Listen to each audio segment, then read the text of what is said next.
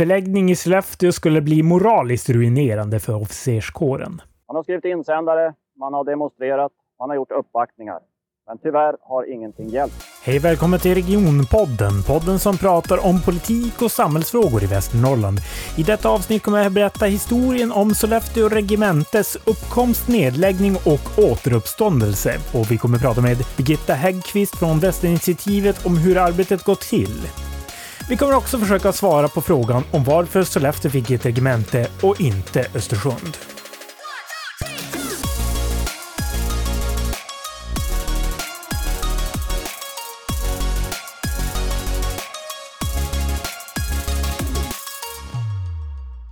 Den organiserade militära närvaron började redan 1836 med barackläger i Viksmon.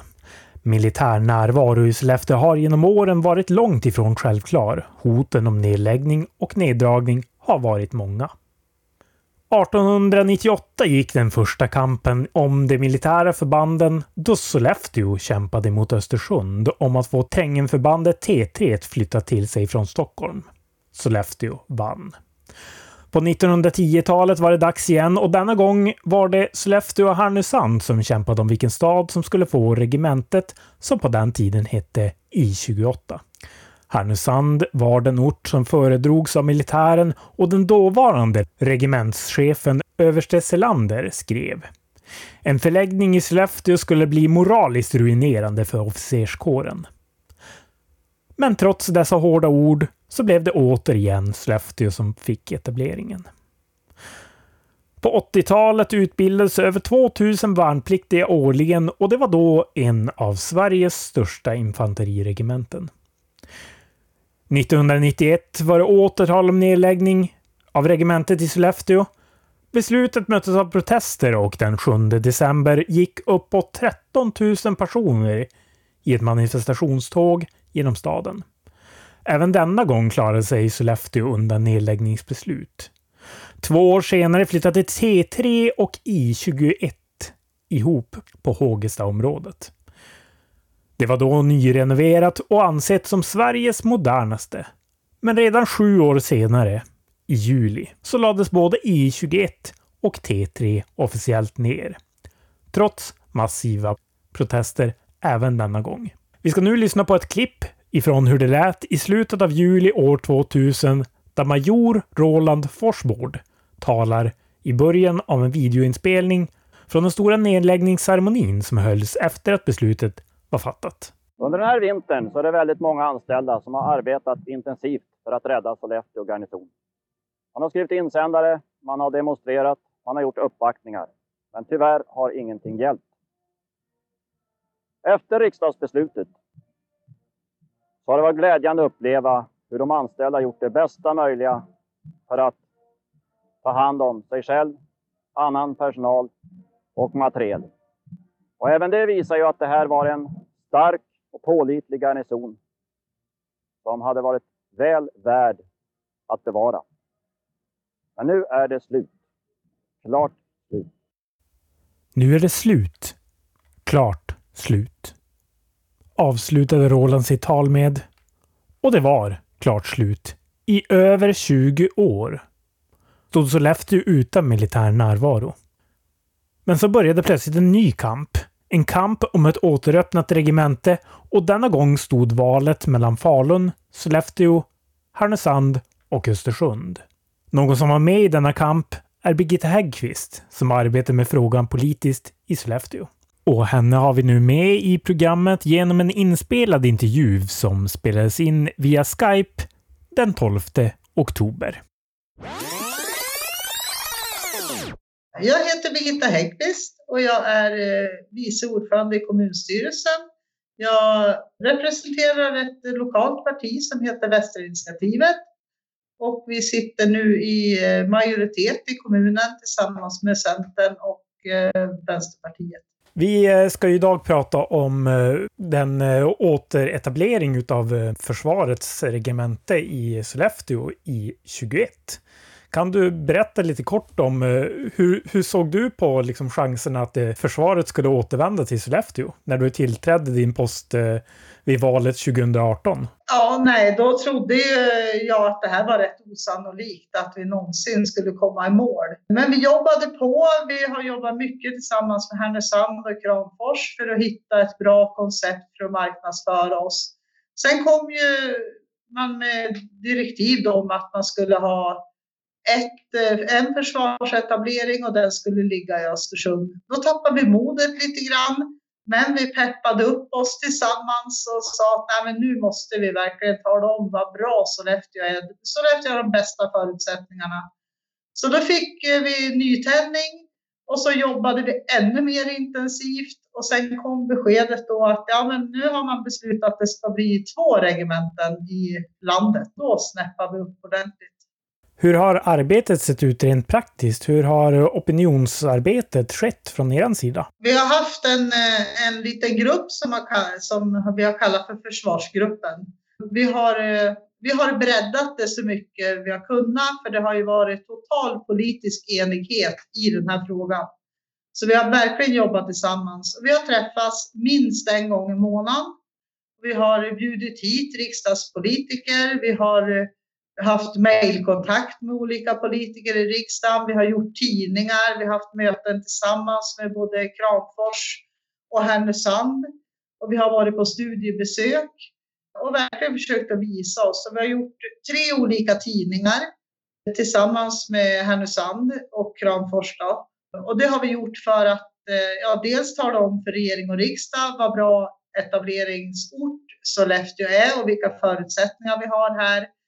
Men sen har vi gjort också ut mot medborgarna för att medborgarna ska också vara med på banan så att vi visste att det inte är några motsättningar. Vad innebär det här för Sollefteå kommun? Det innebär eh, ungefär 150 värnpliktiga varje år som ska göra sin värnplikt här i stan.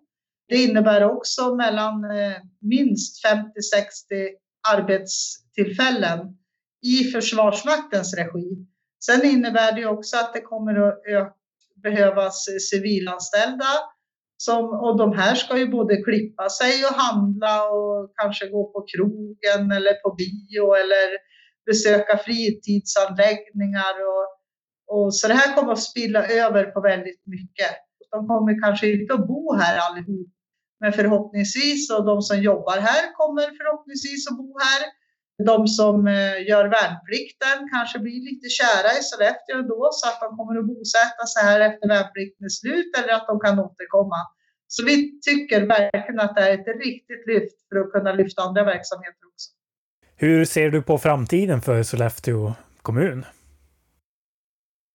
Ja, har du frågat mig förra veckan så har jag väl varit lite tveksam sådär. Men när du frågar mig idag så, så tror jag på Sollefteå kommun. Det, det händer så mycket roligt nu eh, i politiken. Jag tycker verkligen det är kul att vara politiker. För det händer så mycket positivt och det har tagit två år i majoritet för att kunna bygga upp eh, det vi verkligen vill. Vi har nyss gett ett uppdrag till tjänstemännen att utreda om vi kan utveckla våra medborgarkontor. Eh, och inte bara ha allting centraliserat i Sollefteå. Och så landsbygden överhuvudtaget har fått så stor plats i hela, hela kommunorganisationen. Och det är tack vare att eh, vi tre partier har gått ihop och att vi är eh, landsbygdsvänliga. Är det någonting du känner att du eh, har missat att få med som du skulle vilja säga? Ja, jag glömde att tala om en jätteviktig sak och det är att jag faktiskt är partiledare också för Västra initiativet. Det är viktigt och det är jag jättestolt över.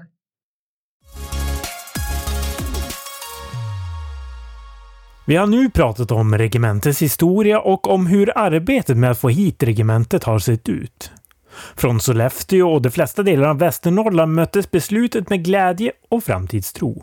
Från Östersund har uttryckts besvikelse och anklagelser om att Sollefteå får ett regemente, inte på grund av att det är det bästa beslutet, utan av populistiska regionpolitikskäl.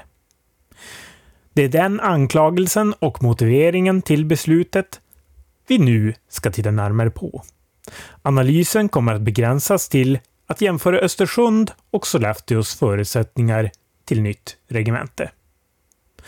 Jag börjar min efterforskning med vad Sollefteå erbjuder försvaret vid en etablering. Jag googlar på försvarsetablering Sollefteå och får genast upp en hel sida på Sollefteå kommuns hemsida där finns fyra detaljerade dokument som beskriver vilka förutsättningar som finns, vilka byggnader, dess kapacitet och kartor med skjutfält utmarkerade.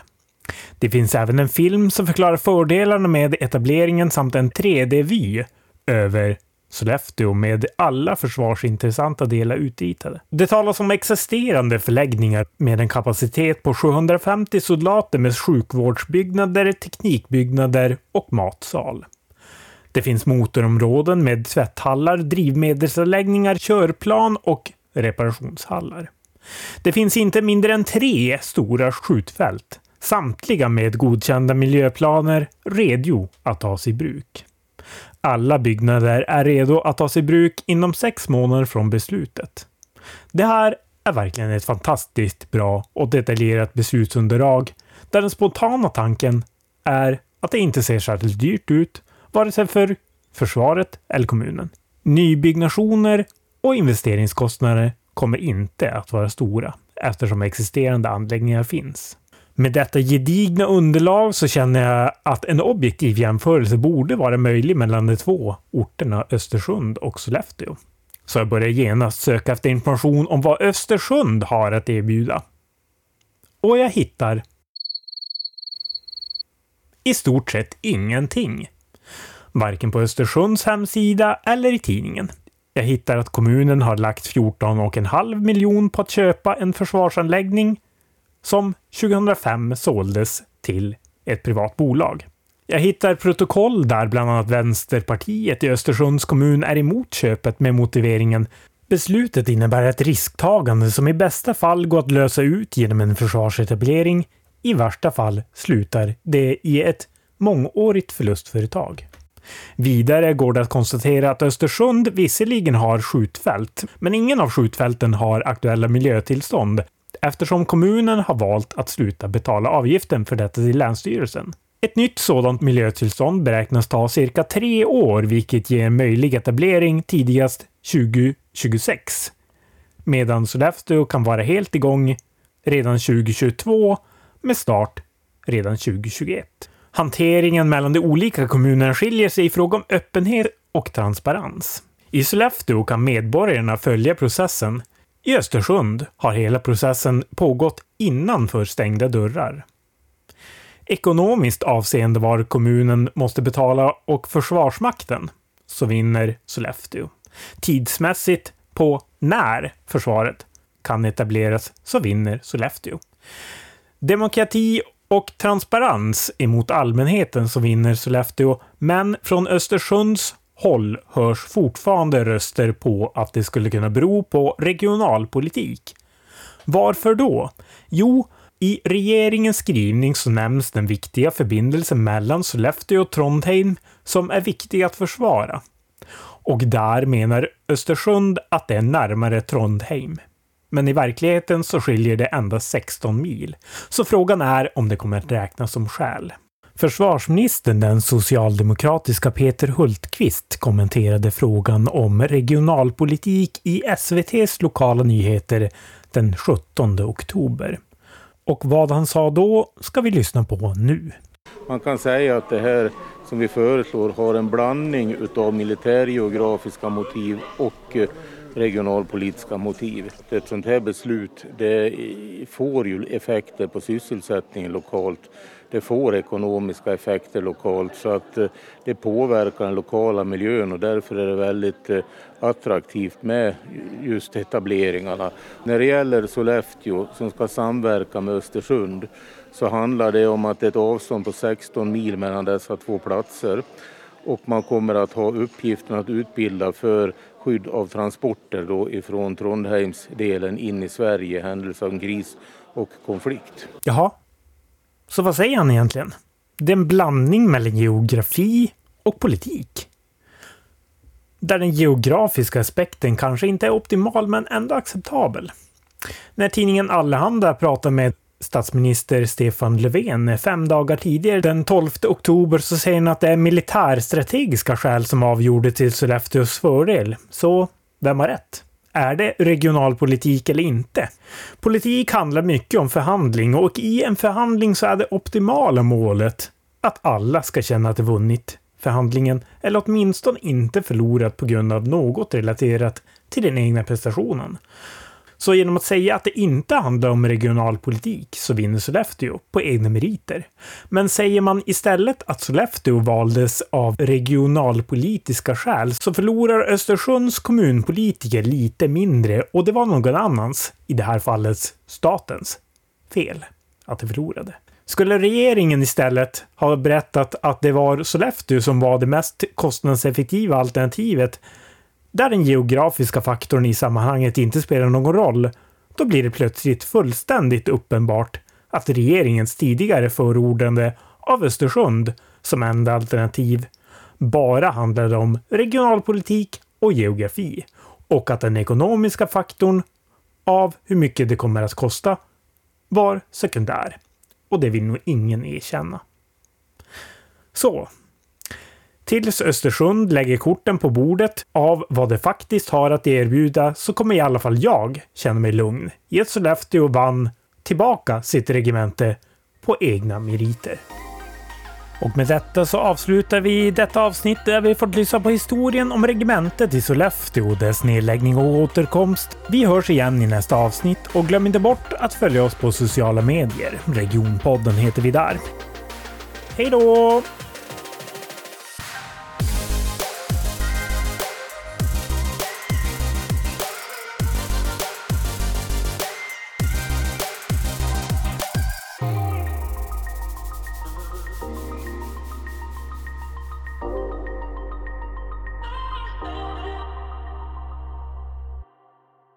Denna podd gjordes av Sjukvårdspartiet för Västernorrlands läns medborgare.